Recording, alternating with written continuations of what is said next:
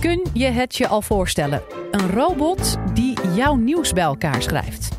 Klinkt misschien als science fiction, maar toch is het in de praktijk al lang aan de gang.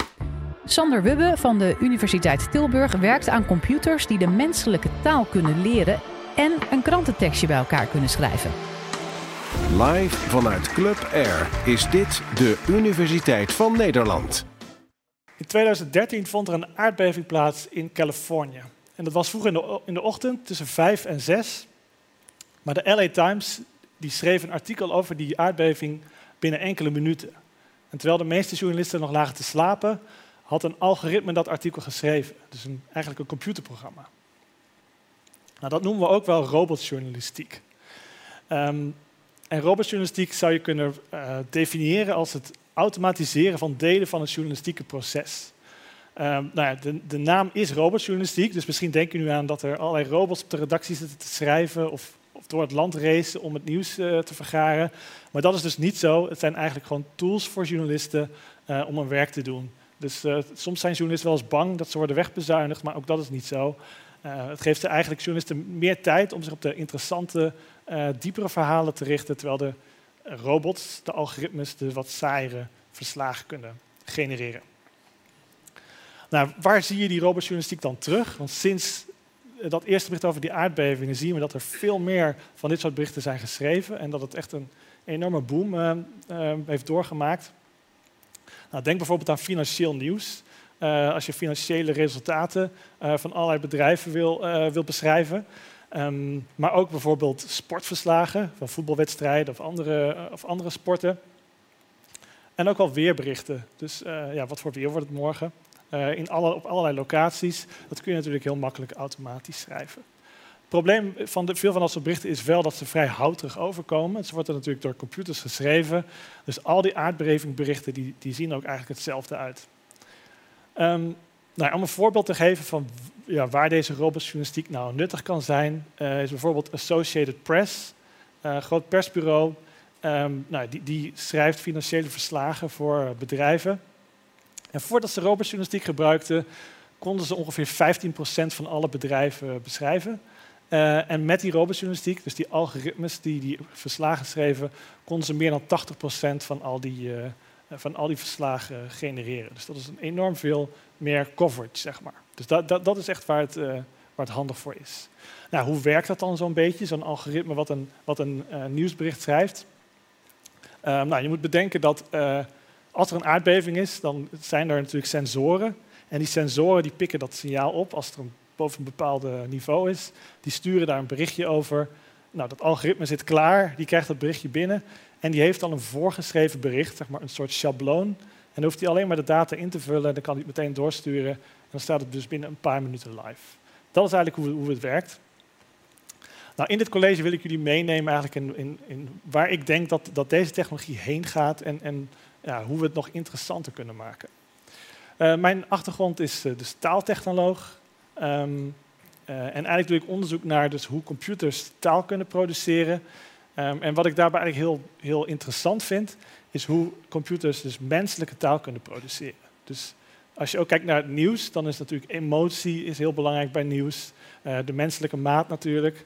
Um, en hoe kun je nou computers leren om echt menselijke teksten te genereren, die echt door ons uh, worden gewaardeerd ook op, op dat soort niveaus. Nou ja, stel je voor bijvoorbeeld um, dat je nieuws wil consumeren. Nou, wat voor nieuws wil je dan consumeren? Ik denk dat de trend is dat je steeds meer gaat naar nieuws dat persoonlijker is voor jou. Dus bijvoorbeeld nieuws um, uit jouw buurt of, of, voor de onderwerpen waar jij interesse in hebt. Uh, dus ik denk dat, daar eigenlijk, dat we daar de eerste trend zien dat het daar een beetje heen gaat. Dus stel je voor dat, je, dat iedereen zijn eigen krant of zijn eigen journaal zou krijgen. Nou, voor mij zou het er dan ongeveer zo uitzien. Ik ben geïnteresseerd in, uh, in wintersport. Ik ga graag snowboarden uh, in de winter. Dus voor mij is het interessant, hey, is, er, is er sneeuwgeval in de Alpen? Um, ook hou ik van technieuws. Dus uh, ik wil ook de, de nieuwste tech-updates uit San Francisco, uit Silicon Valley hebben. en nou, ik woon dicht bij Tilburg, dus ik wil ook wel weten welke bands er spelen in 013, de popzaal van Tilburg, zodat ik daar misschien heen kan gaan. En natuurlijk voor ieder van jullie zal dat, zal dat bericht er anders uitzien. Maar je kan eigenlijk voor jezelf al bedenken welke, welke dingen zou ik nou in zo'n persoonlijk bericht willen zien, in zo'n persoonlijk journaal. En we zien natuurlijk al dat het daar een beetje heen gaat. Denk aan je Facebook-feed. Uh, ieder heeft zijn eigen Facebook-feed met de dingen die voor jou interessant zijn. En dat wordt natuurlijk allemaal door big data gedreven, uh, door je likes, door je shares, door wat je uh, communiceert met je vrienden, uh, et cetera. Nou, dat is de eerste stap. Maar ik denk dat we nog een stap verder kunnen gaan. en daar komt die taaltechnologie bij kijken. En ik denk dat we ook de inhoud van de berichten persoonlijk kunnen maken voor iedereen. Dus wat nou als de berichten die worden geschreven, speciaal voor jou worden geschreven? Dus vanuit jouw perspectief. Um, dus als we even kijken naar de sportberichten, Um, denk bijvoorbeeld aan wanneer het Nederlands elftal voetbalt. als Jack van Gelder commentaar levert, leven we allemaal mee. Jack van Gelder leeft mee en iedereen is voor Nederland.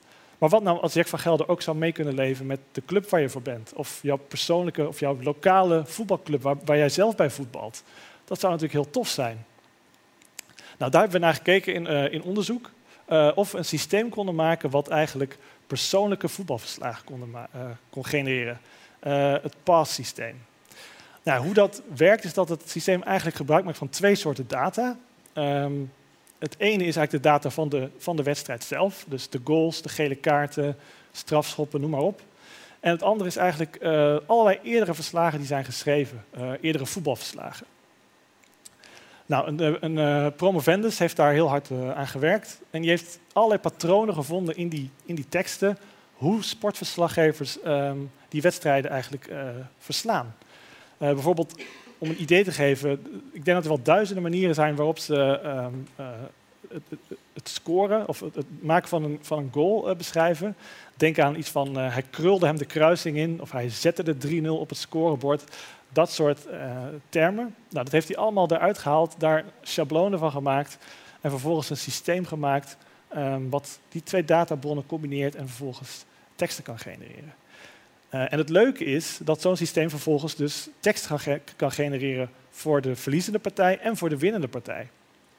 Twee verslagen die allebei over dezelfde wedstrijd gaan, maar allebei vanuit een ander perspectief geschreven, automatisch. Um, dus dat is, dat is nu eigenlijk al mogelijk met dit systeem. Nou, vervolgens wilden we weten, oké, het systeem lijkt heel leuk, maar werkt het ook eigenlijk? Dus nu hebben we gevraagd aan proefpersonen uh, om te beoordelen hoe goed deze systemen waren. Dus we hebben het systeem um, vergeleken met uh, door mensen geschreven, dus echt door journalisten geschreven sportverslagen. Um, en gevraagd aan de proefpersoon om een aantal scores te geven. Van hey, hoe helder vind je de tekst? Uh, is er correct taalgebruik? Dus is de grammatica correct? En is de inhoud eigenlijk wel goed? Uh, dat hebben ze gedaan dus voor de automatische, door robots geschreven teksten en door de door mensen geschreven teksten. En dan zie je dat er helemaal niet zoveel verschil is. Je ziet dat, dat, die, dat die waarderingen elkaar niet heel veel uh, uit de weg gaan. Dus vervolgens hebben we ook gekeken, oké, als dat zo is, is het dan ook zo dat mensen misschien helemaal het verschil niet zien? Um, dus dat hebben we ook gemeten. En we hebben vervolgens gevraagd, um, gegeven een, door een robot of door een mens geschreven tekst, uh, wordt het ervaren als geschreven door een mens of door een robot? En dan zie je eigenlijk dat de meeste teksten worden ervaren als door een mens geschreven. Dus die menselijke maat is, is aanwezig, en zelfs in de automatisch gegenereerde teksten. Dus dit was een heel goed resultaat. En toen dachten we, oké, uh, nu kunnen we nog een stap verder gaan.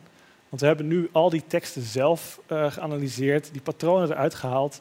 Maar dat kun je natuurlijk ook automatisch doen. Als je heel veel data hebt, big data, uh, over die voetbalverslagen, dan kun je ook daar algoritmes, machine learning op loslaten, die dat vervolgens zelf gaat doen. Nou, machine learning is eigenlijk een techniek om de computer te leren om uit big data patronen te herkennen.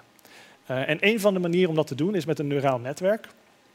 En een neuraal netwerk is eigenlijk een heel grove, simpele uh, benadering van hoe onze hersenen misschien ook werken.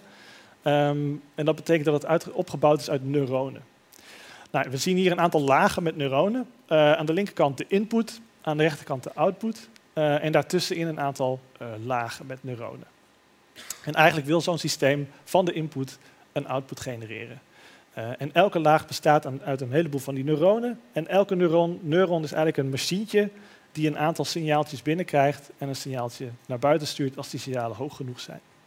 Nou, bijvoorbeeld zo'n systeem kan dan leren dat als hij 2-0 ziet als een, als een uh, datapunt, dat hij dan kan genereren dat het winst was voor de ene partij en verlies voor de andere. En zo kan hij eigenlijk allerlei woorden gaan genereren uit die data.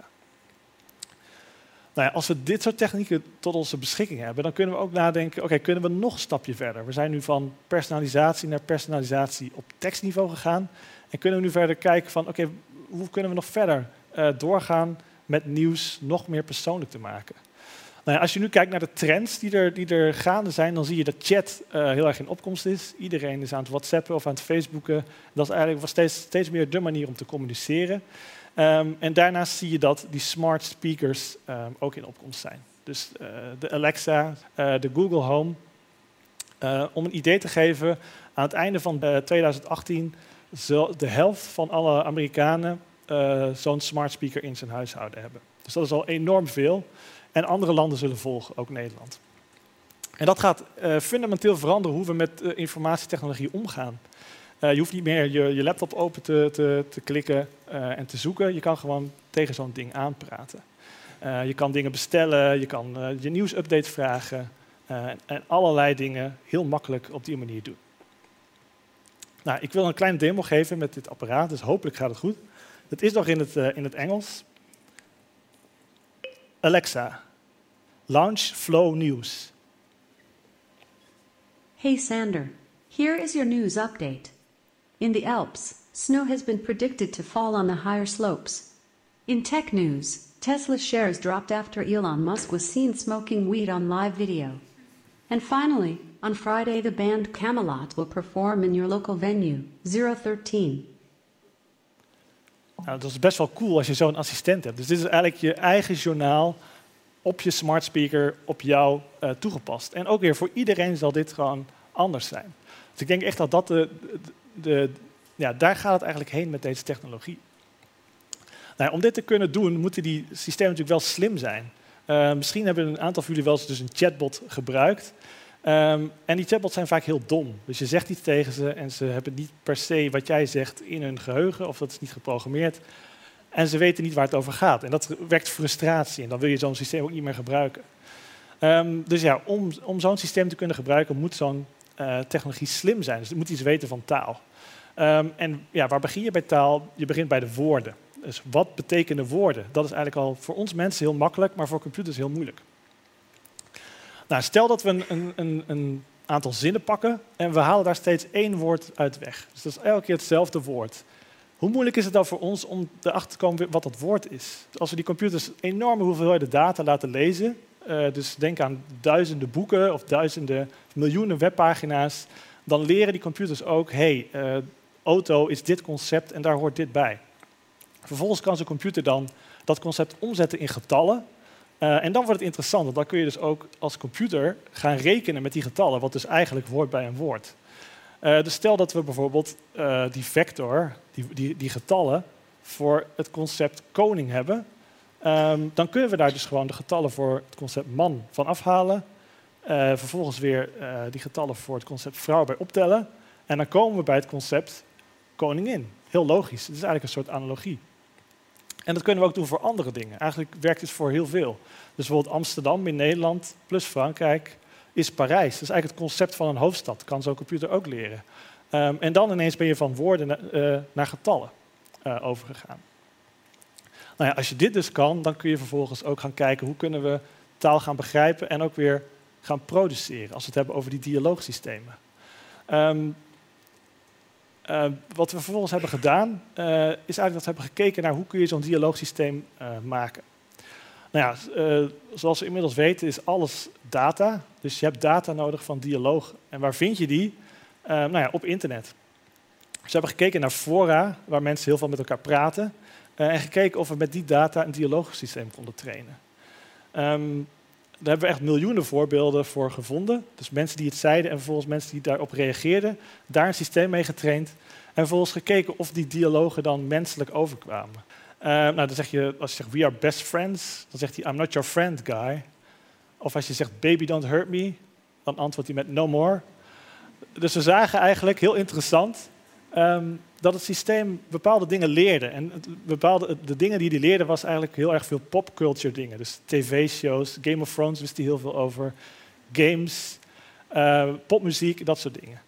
Uh, en hoe kwam dat? Ja, dat zit natuurlijk in de data, in die fora. Dus um, stel dat je een chatbot zou trainen op jouw data, dan zou die dus over jou, ehm, de, de, onderwerpen kunnen uh, praten met jou waar, die jij interessant vindt.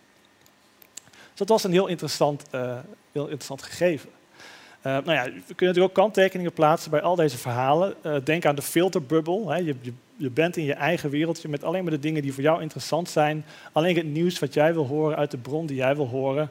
Um, daar zijn natuurlijk wel um, wat kanttekeningen bij te plaatsen.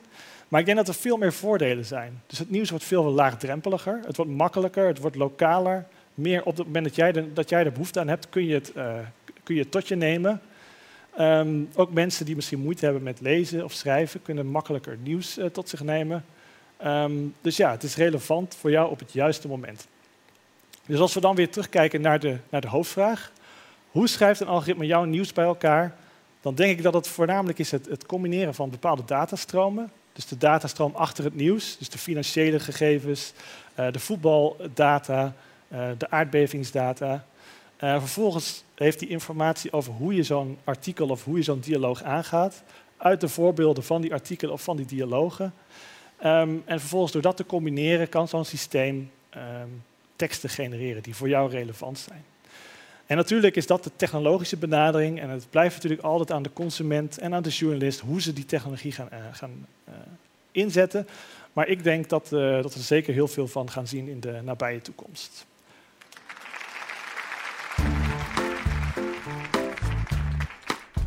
Dit was de Universiteit van Nederland. Wil je nou nog meer afleveringen beluisteren?